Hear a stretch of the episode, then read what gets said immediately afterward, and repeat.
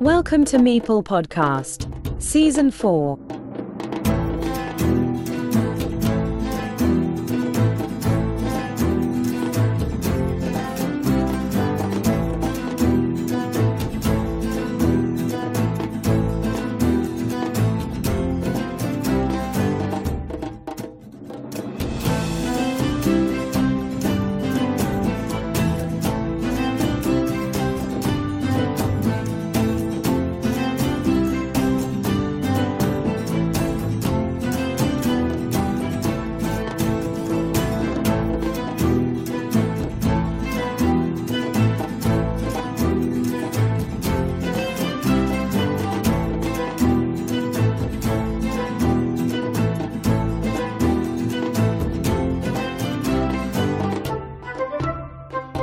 Bonjour à tous.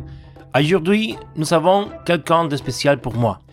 Lorsque je rencontre l'ami d'un grand ami, il devient automatiquement un autre grand ami, un personnage de Carcassonne centrale, Linksous, Linkerson d'un BGA. Edouard Dupin, bienvenue sur Maple Podcast. Merci, merci pour l'invitation, c'est un honneur. Qu'est-ce qui vous amène ici L'envie de discuter de Carcassonne, de ma passion pour ce jeu.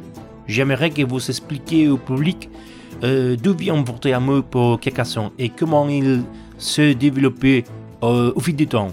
J'ai toujours vécu à une heure de Carcassonne. Je connais cette cité depuis mon plus jeune âge. C'était un endroit où j'ai toujours aimé aller.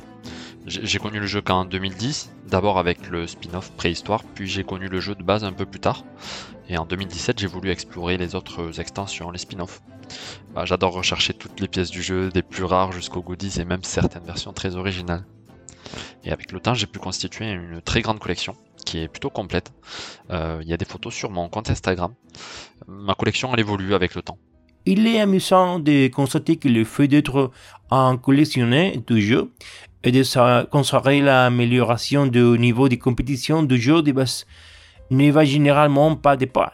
Il y a ceux euh, qui ne jouent que jeux de base, même si l'on frité avec les extensions. Et puis, il y a ceux qui consacrent plus de temps au hobby de collectionner le plus de tweets possible. Au départ, je n'étais pas du tout axé sur le jeu compétitif, mais l'opportunité de jouer les nationales à Carcassonne m'a fait évoluer. Maintenant, j'aime les deux aspects du jeu, la collection et la compétition. Même si mon niveau est moyen, j'en ai, j'ai envie de m'améliorer.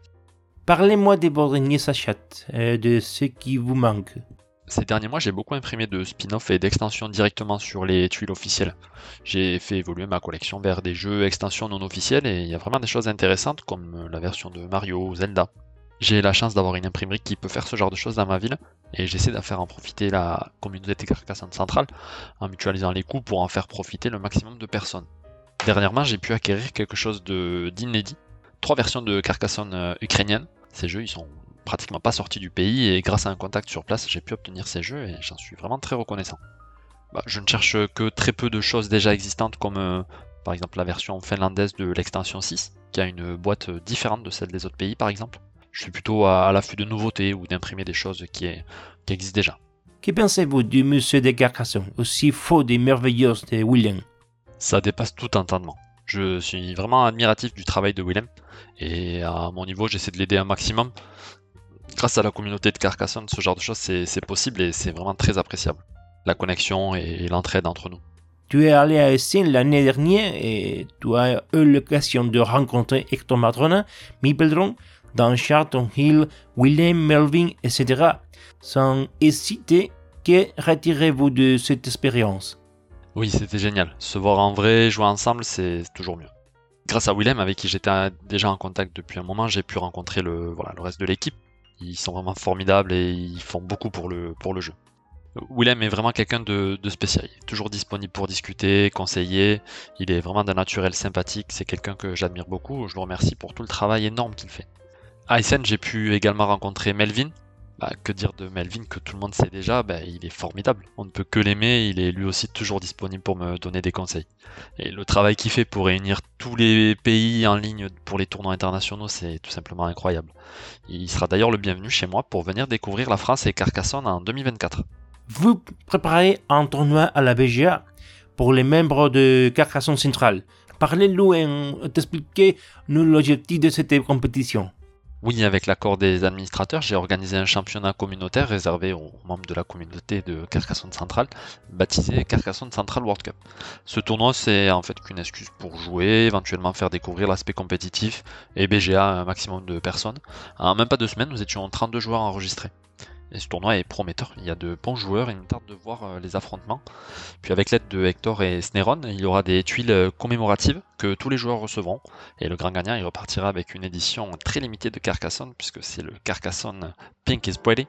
Cette histoire de Carcassonne rose euh, ne vous semble pas un peu folle? Au départ, il s'agissait d'une blague du 1er avril de Hans im Gluck, mais j'ai voulu créer cette édition physique qui me semble parfait pour cet événement. Vous habitez près de Carcassonne, comment les vivez-vous? Rêvez-vous de cette ville touristique en ce monde de jeu? Et comment réagissez-vous le fait d'être française et amoureux de jeux de Klaus?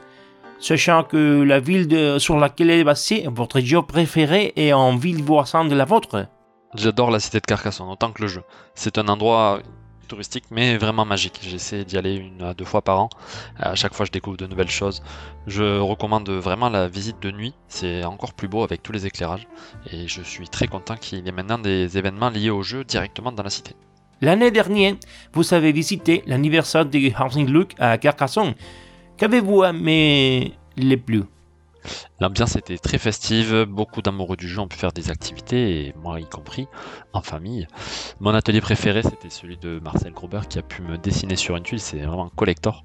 J'ai également pu discuter avec Klaus Jürgen qui a pris le temps de m'écouter et de dédicacer plusieurs de mes jeux. C'était une très belle journée.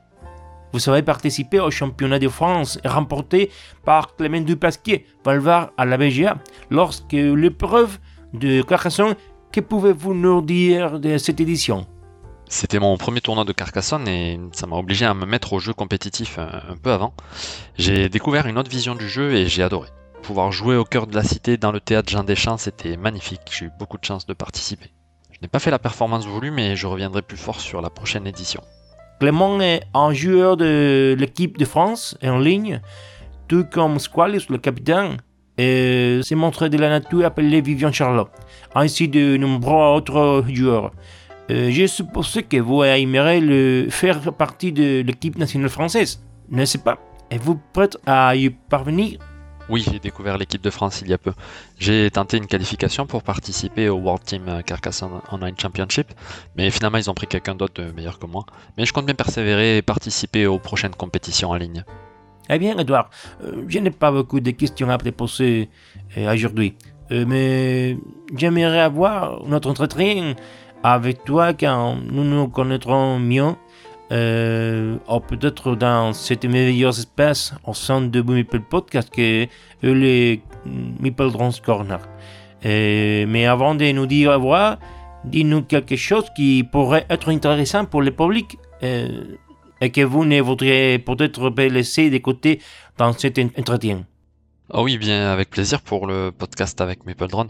Je vais peut-être me répéter, mais ce que j'aime dans Carcassonne, c'est tout ce qu'il y a autour, le plaisir de jouer avec les amis, les adversaires, les inconnus, de partager et de pouvoir s'envoyer à travers le monde des jeux, des extensions et toute autre chose qui tourne autour du jeu. La cité est vraiment belle, c'est vraiment quelque chose à voir si vous aimez Carcassonne, vous ne serez pas déçu. Surtout qu'il y a maintenant des événements du jeu en septembre, n'hésitez pas, et ici on pourrait peut-être partager une petite partie. Je vous remercie de votre présence à l'émission et j'espère vous revoir bientôt. Merci à toi pour l'invitation et à bientôt.